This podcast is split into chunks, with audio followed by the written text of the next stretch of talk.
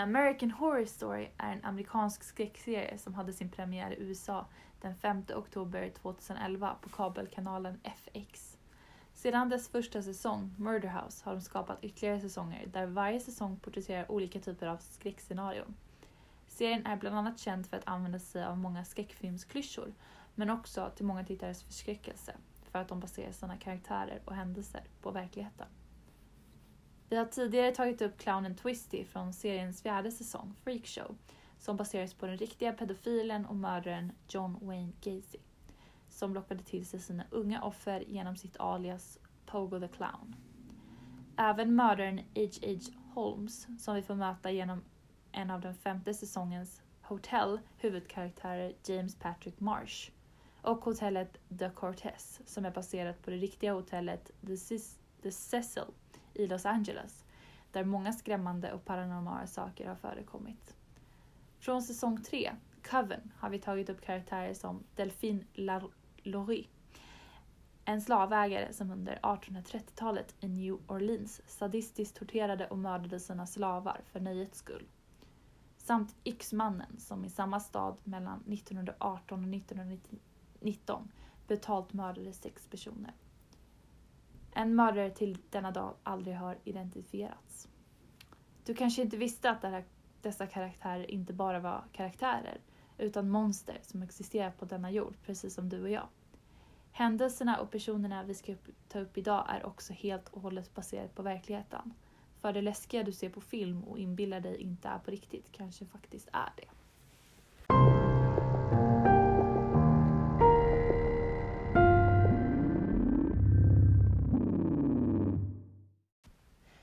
Välkomna tillbaks till Skräckturnén med Julia och Elin. Hur är det med dig idag Elin?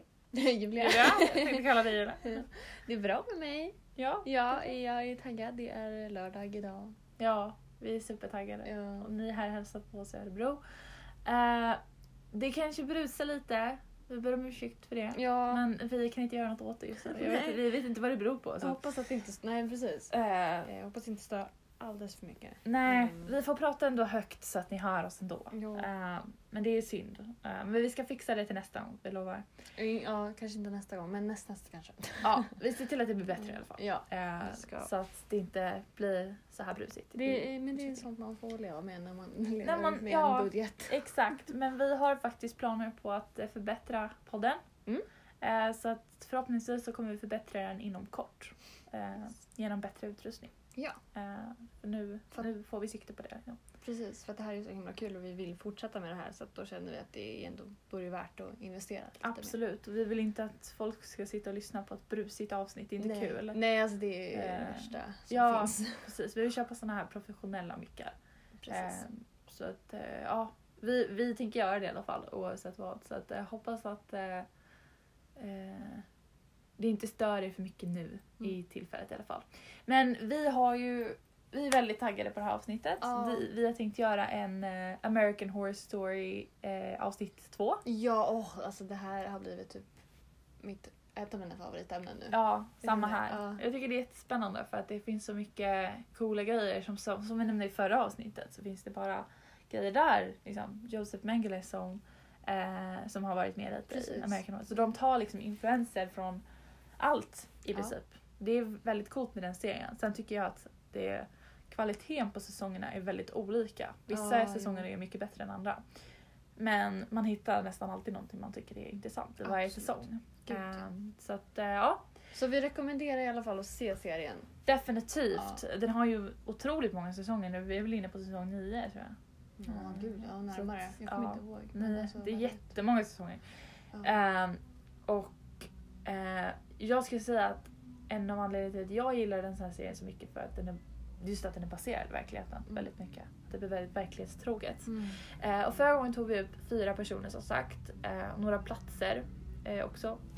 Eh, och, eh, men det finns ju så mycket mer i serien som man kan ta upp. Och därför har vi valt att göra mer avsnitt. För det är inte bara som att vi har tagit upp de mest intressanta grejerna. Utan Mm. det finns mycket, mycket mer. Ehm, jag ska ta upp en eh, väldigt känd mördare. Som är med i både den femte säsongen Hotel och den nionde säsongen 1984. ja. Mm. Eh, samt händelsen som hela säsong 6 baserar sig på. Mm. Eh, Åh och- vad kul! Ja, det ska bli jättekul. Och du ska ju ta upp eh, en mördare man får möta redan i första säsongen. Precis. Mm. Exakt. Ehm, väldigt, egentligen väldigt kort. Ja. Ehm, men jag kommer berätta lite scenen i, i början där sen. Så att eh, ni, ni kommer, om ni har sett serien så vet ni exakt vad jag pratar om sen. Ja, Mm. vi ska få se det. Det, det kommer bli jätteintressant. Mm. Eh, det kän, jag, jag tänkte på det också, i första säsongen har han väl lite Josef Mengele också? Med den här Eh, killen som experimenterar i, Ja. i källaren. Precis. Det är lite så Ehm, hans... Precis, och sen kommer ju The Black Dahlia, hon är också med. Just Och då det! kommer hon dit. Just Och det. så gör han väl något eh, experiment på henne. Ja, det är en rolig så här, de, de, Det är så roligt att de, som är den här grejen jag ska ta upp från säsong 6, att de hittar på Mm. någonting också. Ja. Som kunde vara en förklaring Ja, till vad som hände. Mm. Det tycker jag är spännande. Det är riktigt skickligt gjort egentligen. Ja, väldigt skickligt. Ja. Alltså att det är övertygande stories också. Verkligen. Ehm, så det är kul. Så där, där fick man ju typ en story till vad som hände med Black Dahlia. För det är också ett mord som aldrig har uppklarats. Mm. Ehm, och så sagt om vi fick en förklaring på den här yxmördaren i New Orleans och grejer. Vad, han, vad, vad var hans motiv liksom? Precis. Men ja, eh, då Men går vi in på den första. Ja. Ja, eh, helt enkelt. Och det är ju en person, det roliga är att våra personer het, börjar ju alltså, ha samma namn. ja, just det. Richard. eh, för att spoila lite, men min person då kommer framförallt upp som en... Jag, vet, du, jag tror att du har lite bättre koll än vad jag har. Vad, vad personen heter som är baserad på honom i 1984. Mm. Vad heter den personen? The, Alltså, the Heter det Night- Night Stalker? The Night Stalker. The De Night säger- Stalker, ja. kallar honom för det. för det är ju också. riktiga namnet Mm. på den här personen. Mm. Eh, och som sagt var han ju lite med i en annan säsong också. Vilken var det? Jag sa ju det här i början. Eh, Han är med Hotel. Hotel. Mm. Just det, just det. Med tanke på att det är en scen där de samlar många kända mördare. Bland annat då John Wayne Gacy. Ja. Och Richard Ramirez, som han heter. Men eh, han hette alltså, han föddes alltså som Ricardo Leiva Munoz Ramirez. Eh, I El Paso, Texas eh, den 29 februari 1960. Eh, hans far, Julian eh, Ramirez, var en tidigare polis i staden Juarez i Mexiko och var en man med många aggressionsproblem som ofta resulterade i att han slog sin fru och sina barn. Det här är ju ett ganska känt tema Mm. bland seriemördare bland annat. Eh, Ramirez, som var yngst bland fem syskon, umgicks mycket med sin äldre kusin Miguel, och, eller Mike som han vanligtvis kallades. Eh, Mike var en militär veteran som ofta skröt om att han hade varit med i Vietnamkriget. Han skröt om det. Och de hemska saker han gjorde där. Eh, bland annat visade han polaroidbilder för, eh, för Ramirez eh, på vietnamesiska kvinnor som han hade våldtagit. Eh, och i en bild poserade Mike eh, där han i ena handen höll i ett avhugget huvud på en av kvinnorna han hade våldtagit. Nej. Ganska hemskt. Eh, Ramirez började röka marijuana redan vid 10 års ålder och han och Mike brukade sitta och röka tillsammans. Vänta, ursäkta. Eh, Tio? 10 år.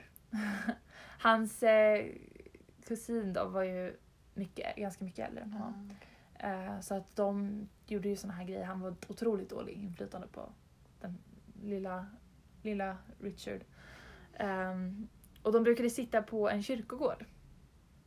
ehm, och göra det här tydligen. Sitta och röka på och prata om krigshistorien. Vilken random plats. Jättekonstigt. Eh, och samma kyrkogård så brukade Remire sova på också. För att fly sin pappas heta temperament. Så han brukade övernatta där.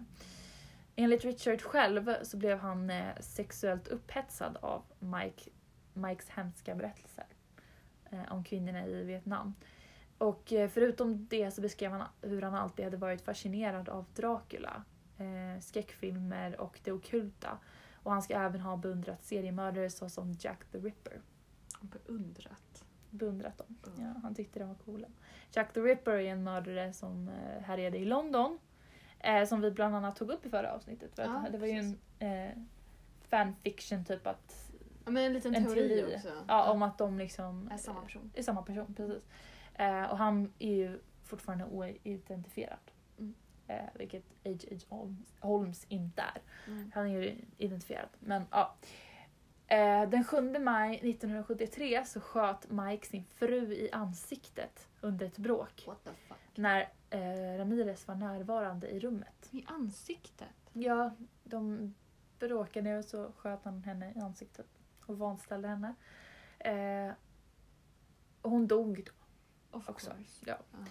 Ja. Eh, och då var Maj, eller Ramirez alltså 14 år gammal när det här hände. Eh, Mike dömdes till fyra år på Texas State Mental Hospital för mordet på sin fru. Han eh, dömdes alltså till mentalvård på grund av att de ansåg att han var galen. Att han inte var frisk i huvudet. Eh, efter detta så isolerade Ramirez sig mer och mer från sin familj och sina vänner. Och senare under året så flyttade han in hos sin stora syster Ruth och hennes man Roberto.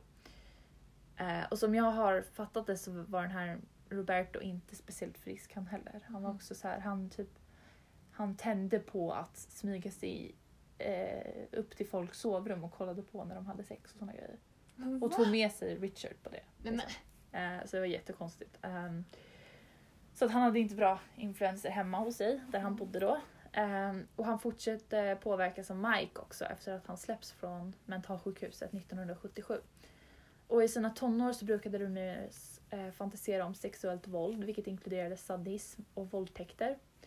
Han fick jobb på ett lokalt hotell där han använde sitt eh, passeringskort för att råna gäster. Han fick sparken efter att en gäst, återvänt till sitt rum och upptäckte att eh, Ramirez försökte våldta hans fru. Mannen misshandlade Ramirez grovt, men något åtal inträffade aldrig då paret som bodde i en annan delstat vägrade återvända för att vittna mot honom. Han hamnade dock i fängelse för en bilstöld och där blev han speciellt intresserad av satanism efter samtal med sin satanistiska cellkamrat.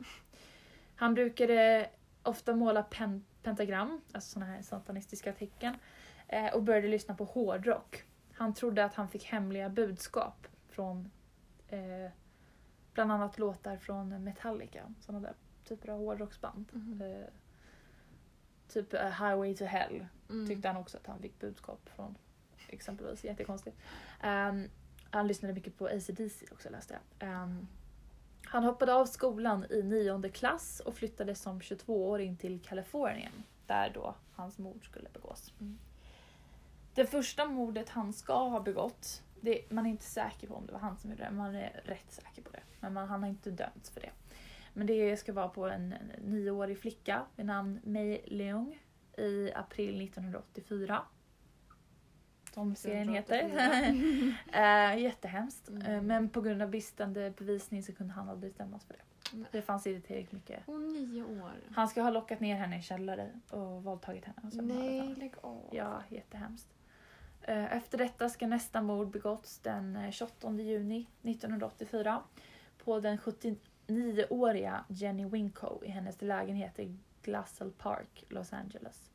Hon ska ha blivit brutalt våld- nej, knivhuggen i sin säng och fått sin hals skuren så djupt att hon nästan var halshuggen. Men, Ja, jättehemskt. En gammal kvinna liksom, Ja. i sitt hem.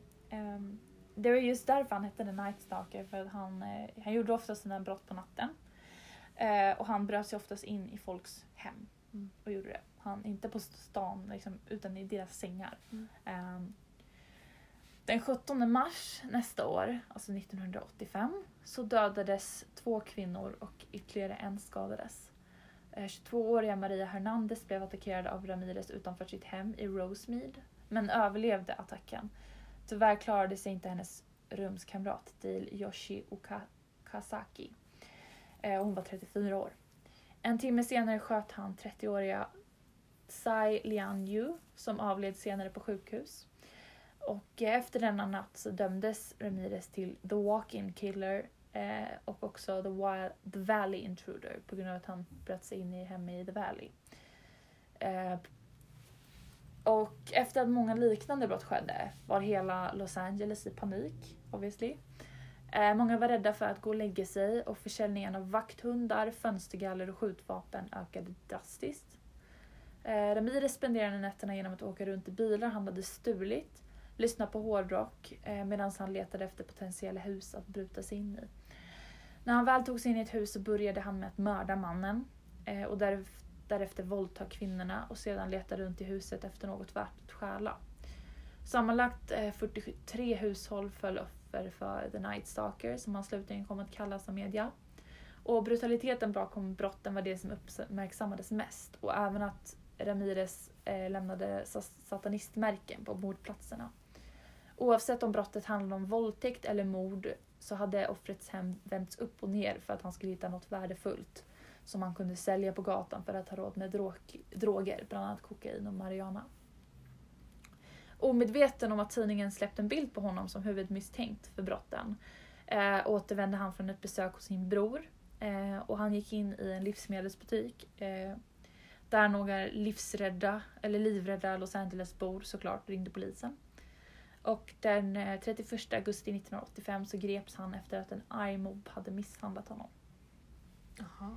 Så de slog i, typ nästan ihjäl honom innan han hamnade i fängelse.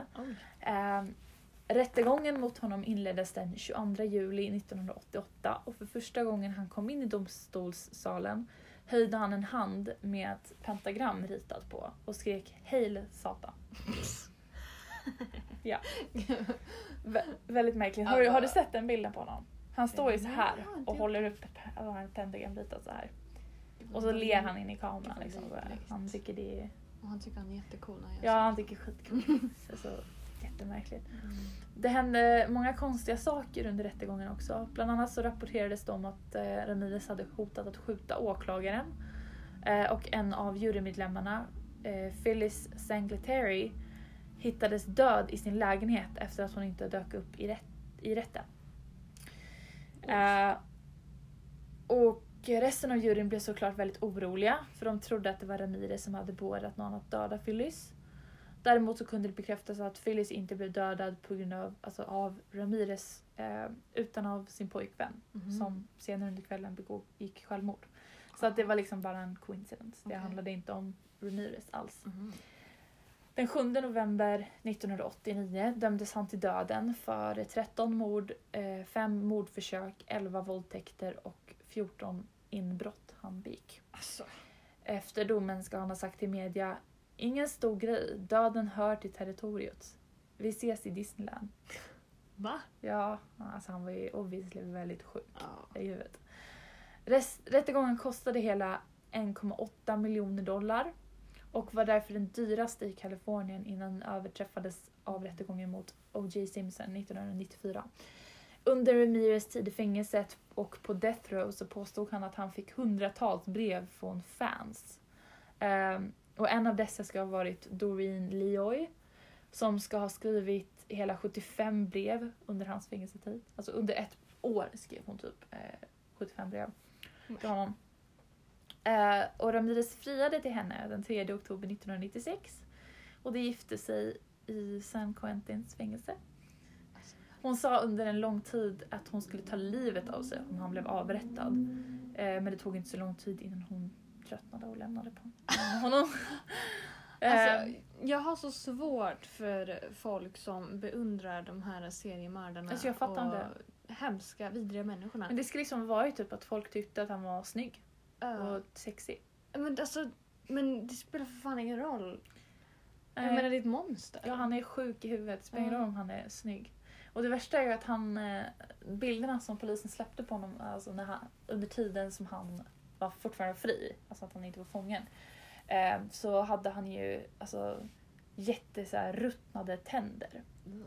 Och jag hörde också att de eh, fixade nya tänder åt honom. Någon gång i fängelse för att han ställde upp på media och sådär. Så fixade hans tänder. Men han fick nya fräscha fina tänder. för det ser man också på intervjuerna när de intervjuar honom att han, han pratar ju väldigt mycket så och är väldigt karismatisk. Och liksom, mm. um, men eh, hans tänder är jätte, helt perfekta. Men man ser också från gamla flyers att liksom hans tänder var helt ruttna och höll på att ramla av, oh ut. Liksom. Tänk dig att vakna upp på natten och en sån person är i din, oh. i din oh, säng. Liksom. Äckligt, alltså, alltså. Skitvidrigt. Um, och han, eh, ja som sagt han satt ju på death row. Han dömdes till döden men han blev aldrig avrättad. Mm. för att också i i San Quentin så tar det otroligt lång tid att bli avrättad också. För att det är så många som väntar på avrättning. Så de typ dör av De dör av andra Mm. orsaker. Så att, eh, den 7 juni 2013 så dog Ramirez av naturliga orsaker på Ma- Marin General Hospital i Green Bay i Marin County, Kalifornien. Eh, och han togs dit för att han var gammal typ, och behövde få vård. Mm. Sådär. Så att han dog ju... Han var 53 när han dog. Oj. Ja. Mm. alltså, det är konstigt för de blir ofta, alltså, de här mördarna som sitter så på death row, eh, de dör oftast ganska tidigt. Mm. Alltså de hinner typ inte bli typ över 60 eller 70 år. Nej, nej. Det är Det bra det är så sjukt. tycker jag. Ja. Jag menar de flesta, typ eh, Ted Bundy han ju dö innan han blev 40 har jag för mig. Ja. Han, han, han, han inte blivit gammal alls liksom. Um, vilket är bra för han var också ett monster. ja, ja. Ehm, och eh, typ Elaine Warnos, Eileen Warnos, hon blev inte heller så gammal. Nej, men hon blev väl avrättad också. Ja precis, hon Mm. blev avrättad. Mm. Ted Bundy blev också avrättad. Mm. Eh, så att han dog ju av naturliga orsaker. Mm. Sen finns det ju toppsfolk som typ eh, vad heter han? Jeffrey Dahmer som blev Mm. mördade i fängelset. Ja, just det. Mm, Just det. som inte blev avrättade. Men, Men, men hade du sett den här 1984-säsongen? Nej, jag har Nej, faktiskt inte sett du har den inte gjort det? Eh, jag är jättesugen på att se den Ja. men inte än faktiskt. För han är ju med där och i första avsnittet, jag har ju bara sett eh, först, jag tror inte jag kollade där på andra för att jag kände så nej, jag fick en så här obehag i, i magen liksom. Eh, för det kändes väldigt som en sån här, jag fick väldigt, alltså vi- vibbarna var så här, eh, vad heter det, fredag den 13. Ja, det, jag, Ja. jag har hört att folk har sagt det och det är, menar, det är sånt som liksom, eh, jag tycker om. Ja. Så jag tror jag skulle tycka om den säsongen Jag tror det är verkligen din, din Ja, typ av jag måste bara säsong. hitta så här vart jag ska Ja. se den. För att det är jobbigt när de, speciellt nu när de har tagit bort flera säsonger på Netflix. Ja! Bara, kom igen Netflix, Vad håller ni på med? Jättekonstigt. Eh, jag tänkte bara typ så här eh, att vi kunde spela en liten, liten bit från den här intervjun Ja. med honom. Mm. Bara för att ni ska höra liksom hur han lät och hur han pratade. För att det är så, det, det är så konstigt att kolla på den här intervjun. För precis som Ted Bundy så han så här, uttrycker sig ganska lugnt och så här, ehm, sansat. Mm. Som att han är vem som helst. Men Mm. han är liksom en fruktansvärd människa. Ja. Eh, så jag tänkte vi spelar en liten, liten bit här från en intervju. Mm. Eh, så får ni höra. kill 13 people. It would be improper for me to comment on my LA convictions and on my pending case here in San Francisco Why? Because of my appeals. Are you appealing these because you say you're innocent? You didn't kill 13 people? That is correct. You didn't kill 13 people. Again, it would be improper for me to comment in any regard to that question. You have now entered a very rare group of people in this country. You're in the, the ranks of Charlie Manson, Ted Bundy. You claim you didn't commit these murders, but you're right in there now as far as everybody else is concerned. Serial killers do on a small scale what governments do on a large one. They are a product of the times, and these are bloodthirsty times. Even psychopaths have emotions if you dig deep enough, but then again, maybe they don't. Do you have emotions, Richard? No comment. Tell me what kind of emotions you got going through you right now. I'll tell you what, I gave up on love and happiness a long time ago. What? Ja, fy fan. Du ser, han är, han är stone cold alltså. Blånekar allting. Ja, Ja. men det är obviously, han sitter ju och ler hela ja, tiden. ja. ja. ja precis. Han tycker det här är kul, liksom, att Mm. han, han får så mycket uppmärksamhet. Och det värsta är när han säger så här, you're in the likes of Marilyn Manson, eh, Marilyn eh, Manson och... Eller vad säger fan Charles? Manson. ja, Charles Manson, Ted Bundy och han sitter och ler. Han sitter och Han tycker det ler. är skitkul. Bara, ja, jag är sån mördare liksom. Och, och säger att han har liksom, no, va, do you have emotions? No comment. No comment. Fan vad, åh så kall. Och han säger sen också så här, ehm, Are you evil? Frågar han. Och han bara så här, Well I'm evil as much as everybody else is evil.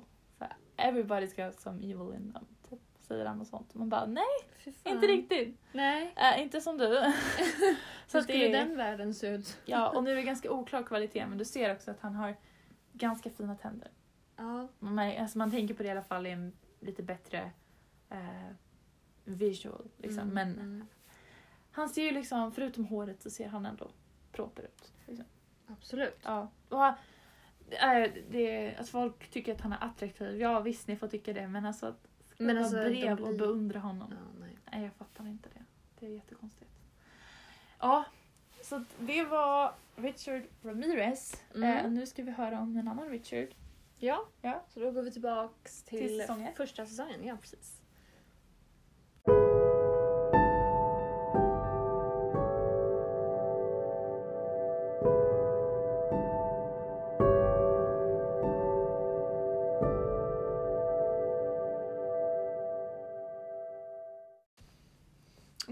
Så i säsong 1 avsnitt 2 så börjar det med att vi får se ett gäng sjuksköterskestudenter eh, i självaste då Murder House, som säsongen heter.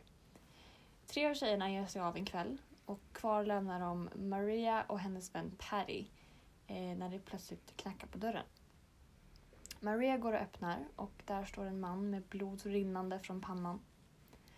Mannen säger att han är skadad och vill ha hjälp. Och i nästa scen så står Maria och tvättar såret och försöker då hitta själva... Eh, hon hittar då själva såret, men hon hittar det inte. Mm. Och då plötsligt blir hon slagen i huvudet av den här mannen och allting svartnar. Patty blir eh, nedslagen direkt och Maria blir tvingad att eh, klä på sig sina. Eh, sjuksköterskläder. eh, och hon blir sedan fastbunden med händerna och fötterna eh, bakom ryggen. Och hon ligger nu på mage på soffan. Eh, och hon börjar be till Gud för sig själv och hon ser då hur mannen sakta går mot henne. Och i nästa sekund försvinner han ur hennes åsyn. Och en våg av lättnad väller över henne. Och hon tänker, ja men funkade bönen? Men lättnaden blir såklart kortvarig och hon huggs ihjäl brutalt i ryggen. Mm, det här är så hemskt. Det- Jag kommer ihåg den scenen. Det Den är den är brutal. Och väldigt sen brutalt. skriker ju ut. Mm. Och det, jag, jag hör det fortfarande, det skriket. Ja. Det, ja, den- Det, är som, den- det är lite som den här scenen i eh, The Zodiac Killer. Mm. Det är en, exakt samma typ av scen. Att en tjej blir fastbunden med benen och händerna bakom ryggen och sen blir hon huggen i magen. Ja, så äckligt. Ja. Och så det, såna där, det tycker jag är otroligt obehagligt. Just med knivar. Mm. ugh. Nej precis, för det, det är så nära liksom. Det är så Mm. brutalt. Precis, Ja. verkligen. Men den här scenen då är ju såklart baserad på ett verkligt fall. Nämligen The Chicago Massacre 1966. Och det jag då kommer prata om är Richard Speck. En av de värsta massmördarna i Amerika. Eh, han föddes 1941 i Illinois, USA och växte upp i en mycket, ett mycket religiöst hem. Och eh, när Richard var sex år gammal, 1947 alltså, dog hans pappa av en hjärtattack och hans mamma gifte sedan om sig några år senare. Eh, hans nya bonuspappa, eller styvpappa, eh, var allt annat än hans eh, då riktiga far. Eh, han eh, hade ett kriminellt förflutet, drack och var allmänt elak mot Richard. Eh, alltså man kan ju tänka sig vilken omvändning för honom att gå från ett tryggt hem med en far som man ser upp till, till att dagligen bli förtryckt och bli kallad elaka saker. Mm. Ehm, och familjen flyttade sedan till Dallas i Texas och flyttade runt ganska mycket i lite fattigare områden. Då. Eh, de bosatte sig aldrig på ett ställe under en längre tid. Eh, och eh, bara det är ju s- väldigt stressig situation Ja. för alla. Och ehm, bonuspappan var som sagt ett riktigt fyllo så det var inte konstigt att Richard då tog över de banorna. Och han var nästan full varje dag. Och då var han inte gammal alls. Ehm, 1962 gifte han sig med Shirley Malone efter att ha gjort henne gravid. Och då var hon endast 15 år gammal. Åh gud. Mm. Kort därefter föddes deras dotter Bobby Lynn. Eh, detta var som väntat inget lyckligt giftermål. Eh, Shirley har berättat att hon levde med konstant rädsla då, då Richard var väldigt våldsam. Han eh, hotade henne med kniv och eh, krävde sex av henne fyra till fem gånger om dagen. Eh, och under den här tiden så tatuerade Richard in texten Born to raise hell på sin arm. Okej. Mm. Tönt. Hans övervakare sa en gång eh, When Speck is drinking he will fight or threaten anybody as long as he has a knife or gun. Uh, when he's sober or unarmed he couldn't face down a mouse. Wow. Vilket jag har väldigt svårt att tro på. Ja, det tror jag också. Han, eh, män är sällan helt ofarliga. Mm. Så att, eh, Eh, 1965 så attackerade han en kvinna på en parkering utanför hennes eh, lägenhetshus eh, med en 43, nu vet jag inte vad har jag skrivit, 43 centimeter lång kniv. Ehm, den var väl ja, ganska lång. jäklar. Ehm, Usch. mm, kvinnan lyckades fly och Richard greps senare av polis och eh, han blev även dömd då till eh, 16 månader. 16 månader? Yes. Han tänkte döda någon Mm. och han fick 16 månader. 16 månader. Men, Va? hör och häpna, han var redan ute efter sex månader. Ja, det är ju sinnessjukt. Ja, I know. Va? Mm. Det är så äckligt. Åh gud. Mm. Ja, det här var ju ändå 60-talet, eller vad var det? 40, Mm. 70-talet. Jag Ja, menar- ändå. Han hade betett sig bra. Nej, så att, jo men då kan vi släppa ut det. Nej men gud. Usch. Usch. Eh, Shirley ansökte om skilsmässa, tackar för det, Ja. 1966 och fick ensam vårdnad av dottern. Eh, vilket känns helt tvettigt. ja. Gud vad hon stod ut länge med Fem år. mannen. Ja, Shit alltså. Cred till den kvinnan. Usch, hur, hur orkar man? Jag förstår inte. Det var ju den här tiden också när det var ganska svårt att få skilsmässa. Kan jag Ja. tänka mig. Det var mycket så här kristendom i USA. Liksom. Det var svårt att... Mm, ja, men precis. Ja, fy fan. Ja. Ehm, och eh, under en period så jobbade Richard som murare. Och eh, några som skulle ha oturen att träffa på honom var då 65-åriga Virgil Harris och 32-åriga bartendern Mary Kay Price. Eh, Virgil våldtogs och mördades i sitt eget hem. Eh, och eh, Mary blev slagen till döds i baren som Richard var anställd att utföra ett jobb hos. Eh, han lyckades fly och undvika polisen. Men polisen kunde ändå koppla honom till båda de morden. Man hittade även Virgils tillhörigheter i Richard hos, Richards hotellrum. Fan vad sjukt. Mm. Usch. Och nu till själva massakern. Eh, det var den 12 juli. Eh, Richard hade precis fått reda på att tjänsten han skulle tilldelas på ett fartyg, fartyg hade gått till en annan. Eh, och då blev han rasande och han gav sig ut på en eh, enmansgalej. Eh, och drack sig riktigt redlös.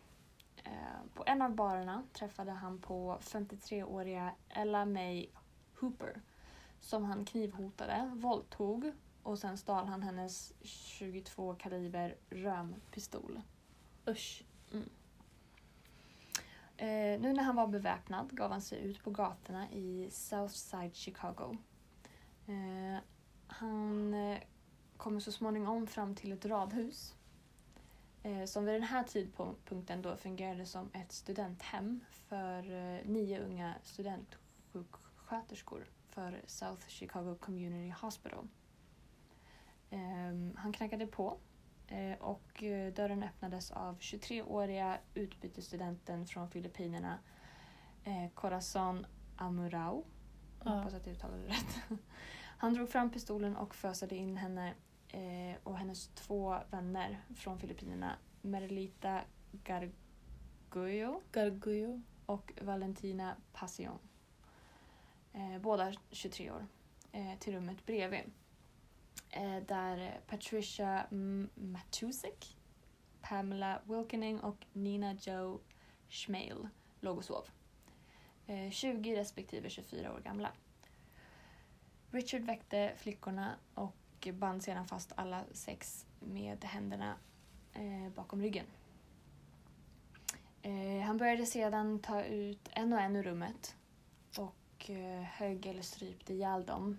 Ehm, ehm, de stackars kvinnorna. Nej, hemskt. Eh, så tänkte jag han liksom tar en och en. och går ut och de vet inte vad som händer, de som är kvar i rummet liksom. Eh, när Richard hade ryggen till passade Corazon på att eh, rulla under en av sängarna och gömde sig där. Eh, och under den här tiden kom även två andra flickor som bodde där hem efter en dag ute. Det var 21-åriga Susanne Ferris som kom hem först. Eh, hon blev ihjälhuggen på övervåningen när hon var på väg till sitt rum. Eh, sen kom Mary Ann Jordan som även hon blev huggen till döds när hon kom in genom dörren. Så det var direkt i hallen då. Nej. Eh, Den sista som kom hem var 22-åriga Gloria Jean Davy. Hon blev avsläppt av sin pojkvän. Och när hon kom in genom dörren blev hon våldtagen och sedan stryp, eh, strypt till döds av Richard. Eh, Men eh, minns ni Corazon? Yes. Hon hade som sagt lyckats gömma sig under en av sängarna i det andra rummet och hon hade inte blivit upptäckt då. Eh, För Richard hade förmodligen tappat räkningen eh, hur många flickor som faktiskt var i, i hemmet där. Eh, Och hon gömde sig där ända till klockan sex på morgonen för att vara på den säkra sidan att han verkligen var borta. Nej, vad hemskt. Mm. Gud. Tänk, eh, tänk vilken skräck. Ligga Ja. där, gömma sig, veta att alla hon Höra det. med och höra allting Ja. ligger döda. Brutalt mördade runt omkring. Usch. Eh, Richard hade då vid den här tiden lämnat huset. Och eh, kvar befann sig Corazon omringad av hennes mördade vänner. Eh, totalt hade Richard mördat åtta av de nio studenterna. Eh, hon kröp fram till det närmsta fönstret och eh, skrek ut på gatan att alla är döda, alla mina vänner är döda. Jag är den enda överlevaren. Och där stod hon då och skrek ända tills polisen kom eh, fram till platsen. Usch. Mm. Ehm, och eh, Richard Speck kunde sen enkelt, som tur är, eh, kännas igen tack vare hans tatuering på armen. Born to raise hell. Yes. Bra. Eh, så han greps och rättegången började 3 april 1967. Eh, han förnekade allting till en början. Så här, nej, jag, har inte varit där. Jag vet inte vad ni pratar om. Men de hade ju då faktiskt någon som kunde identifiera honom. Och eh, det tog bara 45 minuter eh, för juryn att överlägga liksom, domen. Mm. Och eh, när de kom tillbaka dömdes Richard till döden. Domen blev senare ändrad, som alltid, till livstid 1971. Mm, det är väldigt sällan det går igenom faktiskt. Ja. Ja. Precis. Han satt fängslad på Stateville Correctional Center i Illinois. Och det finns en video som visar Speck när han får frågan om varför han mördade dessa oskyldiga studenter. Eh, och då säger han Det var helt enkelt inte deras kväll. Och sen skrattar han. Fy fan vad fräckt. Mm. Usch. Du är så jävla äcklig. Nej, du måste visa mig den videon. Jag Om jag, om jag det. hittar den. Ja, vi, vi försöker hitta den. Mm. Eh, Richard dör av en hjärtattack sen den 5 december 1991. Eh, kvällen före hans födelsedag då han skulle fylla 50. Alltså, vad, de, här män, alltså de här människorna är ju helt sjuka i huvudet. Ja, Att minst sagt. kunna göra något sånt där. Alltså speciellt liksom en efter en och bara höra kvinnor skrika för sitt liv och ändå inte bry sig. Mm. Jävla äckligt alltså. Alltså man undrar fan. lite, vad är det som händer i den här människans huvud? Ingenting. Man känner ingenting. Nej, det kan inte finnas någon, några känslor överhuvudtaget. Jag tror fan inte det. Hur kan man annars... Alltså jag, jag kan bara liksom tänka mig att liksom jag, alltså jag börjar gråta bara jag typ ser någon annan gråta. Ja, Så om någon skulle skrika skulle jag bara "Ah, nej, förlåt." alltså det är så här, nej jag fattar inte hur folk kan göra sånt. Nej. Det är helt sjukt. Ja, nej men alltså verkligen. Alltså den, eh, och vara så empatilös. Mm. Är det där han eller? Det här är han. Är det han? Han? Han ja, precis. Usch. Och jag vet inte om det här är samma video för jag har inte vågat kolla på den än. Inte? Eh, för det här är då en video ehm, som vi har framme nu, just nu. Eh, den, var, den blev filmad eh, 1988 Mm. eh, och 1996 så släpptes den ehm, liksom ut ehm, av en anonym eh, advokat. Vi kanske kan kolla på den du och jag tillsammans Ja, sen, det efter jag. Ja, avsnittet. det gör vi. Men jag tänkte bara beskriva vad som händer i den. Ja. Eh, för då, då sitter då Richard och en annan eh, fånge i, i ett rum. Richard har på sig silkes eh, eller sidentrosor. Okej. Eh, och så har han liksom, han, han har bröst. Ja. Eh, så att, eh, alltså han, det är hans egna bröst. Så att, What? det är så smugglade hormoner som han har då tagit i, i fängelset. Eh, och eh, han då ger den här andra fången en avsugning. Oj. Eh, och de båda gör, tar väldigt stora mängder kokain. Så att jag, jag har inte vågat titta på den här videon men den finns liksom att se på om man vill. Jag förstår. Ehm, Ja, jag tror inte jag, jag, jag tror inte jag vill se den nu Nej heller. jag känner det också. Eh, vi Jag vet inte om jag skiter har... nog i det. Ja, det, men jag, jag känner det, det, man kommer nog inte få en jättebra känsla i Nej, jag tror inte det. Vi kan kolla på den andra när han säger att när han skrattar istället. Den kan vi Precis. inte försöka hitta. Men det här är lite... Uh. Jag tror det är samma video. Ehm, det här som när han då säger att det inte var deras kväll. Jaha, det är samma video. Så det är en röst som, från han som filmar då. Ugh, Som ställer den där Vem frågan. kan filma det här? Alltså, Ja, det undrar jag också. Fy fan vad äckligt. Men alltså det, jag förstår inte hur det finns så, alltså vider. Nej, Alltså, usch. ja. Men eh, så, här, så där ser han ut. Ja, nu visar jag Julia en bild på honom eh, när han sitter eh, på i, ja, på sin rättegång. Han ser väldigt lugn ut, sitter där i kostym och handfängsel och sitter och röker en cigarett. Jävla äckel. Mm. Usch. Okej, Ja, men eh, nog med Richard Speck. Jag Ja. är klar med honom känner jag. ja, jag känner också att vi är det. Vi kan gå vidare till min sista del då. Det är från eh, som sagt säsong 6. Eh, och, och ni som är stora fan av det vet ju att hela säsong 6 eh, cirkulerar kring Roanoke Mm. kolonin. Eh, och Ko- Roanoke-kolonin var då den första brittiska kolonin i den nya världen. kan man säga. Eh, alltså första i USA. Säga. Eh, grundad på nuvarande Dare County i North Carolina i USA. Och det var ett försök att etablera en engelsk permanent bebyggelse i Virginia-kolonin under den senare delen av 1500-talet.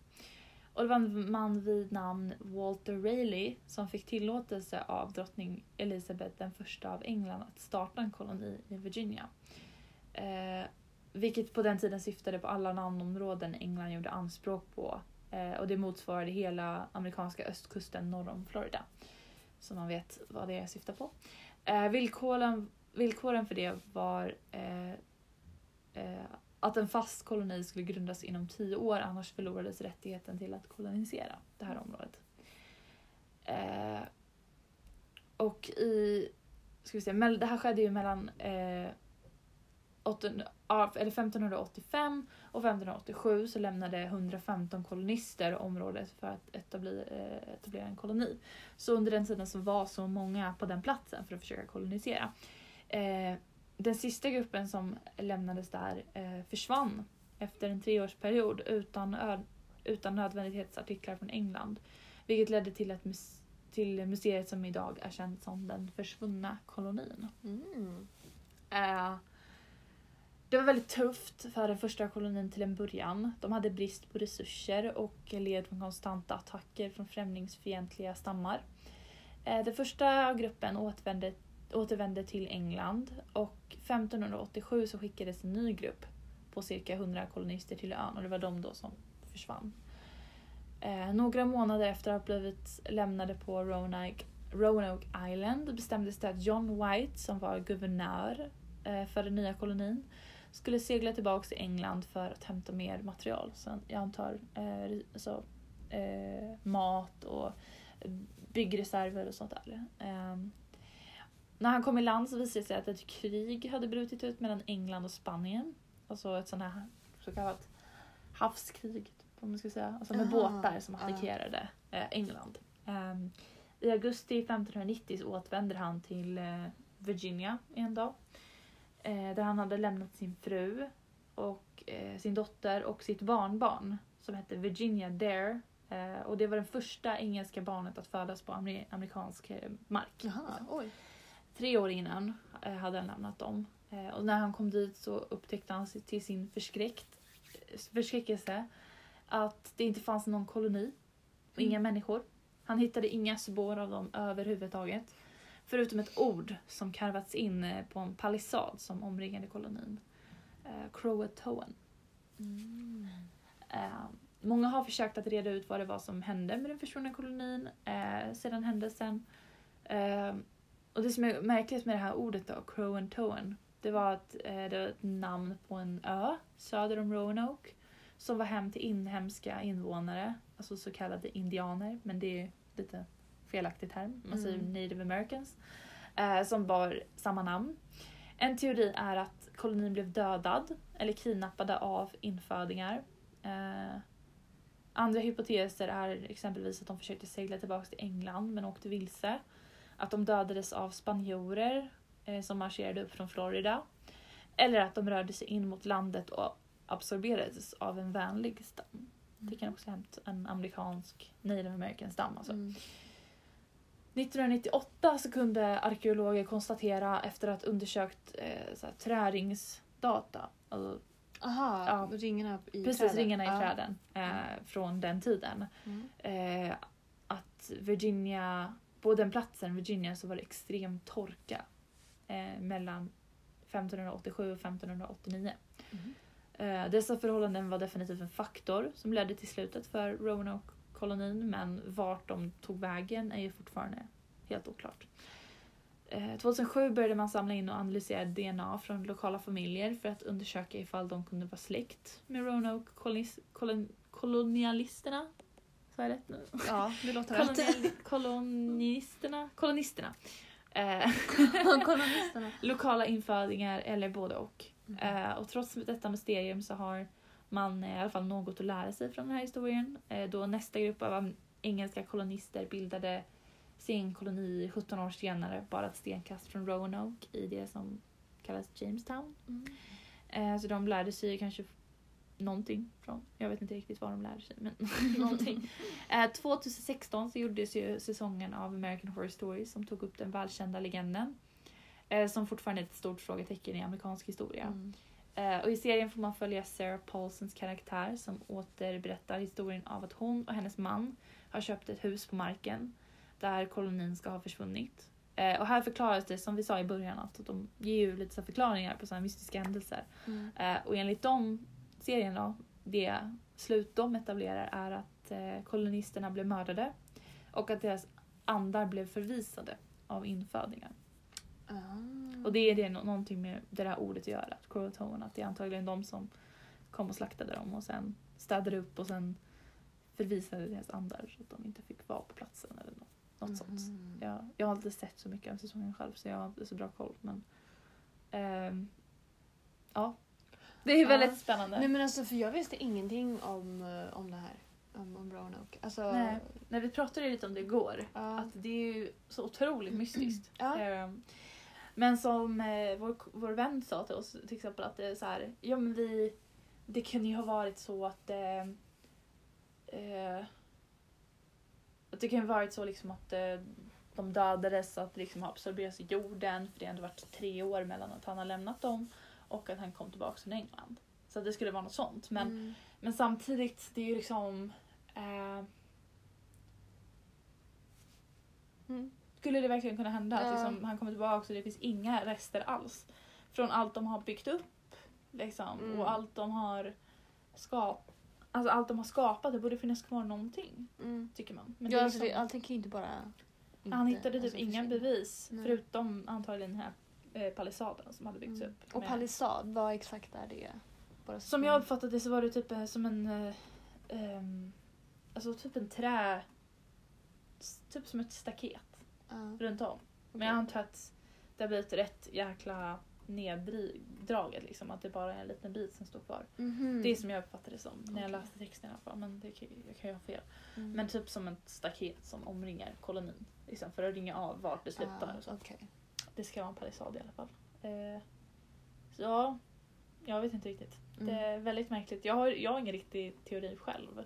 Nej, Jag är så här, det är sån här man känner att man måste sitta och fundera på ja. länge innan man kan typ komma med några teo- teorier. ja, precis. Man, man vet ju inte så mycket. Liksom. Nej. Vad, är det... Alltså Mhm. finns det liksom mm, eh, ännu mer information eh, ute? För att nu har ju du ändå tagit upp liksom det, eh, det essential. Ja, Liksom. exakt. Ehm, det finns inte så mycket mer. Nej, från det är så. Ja. Ja, det, det är typ den här informationen som finns. Men finns det flera teorier eh, vad du har sett eller det liksom? Alltså det finns säkert flera teorier men från de jag har sett så är det här de populäraste. I alla Mm, fall att mm. det är antagligen att de ska ha ehm, ja, men blivit dödad Mm. eller kidnappade kanske. Eh, men en, tro, en teori som jag kan tro på är kanske att de blev absorberade av en annan stam Ja. och försvann. Men det märkliga är ju bara att eh, han, eh, John White hette han ju. Mm. Han har ju inte sett sin familj. Mm. Han skulle ju aldrig få se sin familj igen efter att de... Och jag känner ändå, är man... Har man liksom en pappan i familjen, han åker bort och sen ska han komma tillbaka. Varför söker man inte upp honom? Mm. Om man vet att han ska komma tillbaka. Så liksom, Ja.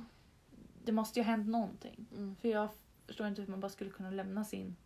Det var ju liksom hans fru, hans dotter och hans barnbarn. Liksom. Mm. Så att, att de bara skulle försvinna utan att...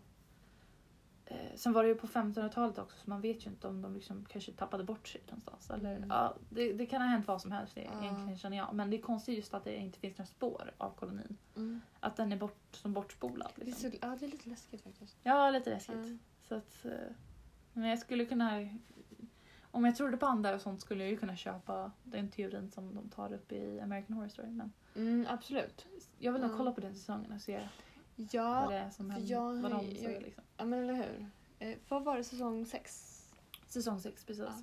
Så det är precis efter Hotel. Hotel, som, precis. ja, den finns ju faktiskt på Netflix. Det gör den. Den fanns kvar. Oh. Ja. Är det någonting vi gör ikväll tro? mycket möjligt. Det kanske vi gör. Ehm, det tycker jag. Om vi får killarna att Ja, gå- på det. inte så Eh, jävla populärt. Nej, kanske inte. Men vi får, de gillar inte skräck som vi gör. Nej, and what's up with that? Förstår jag Nej, inte. stora vuxna män som inte tål att bli lite skrämda. Kom Konstigt. igen. I alla fall. Nej men det, här- det var det här avsnittet. American Horror Story eh, del två.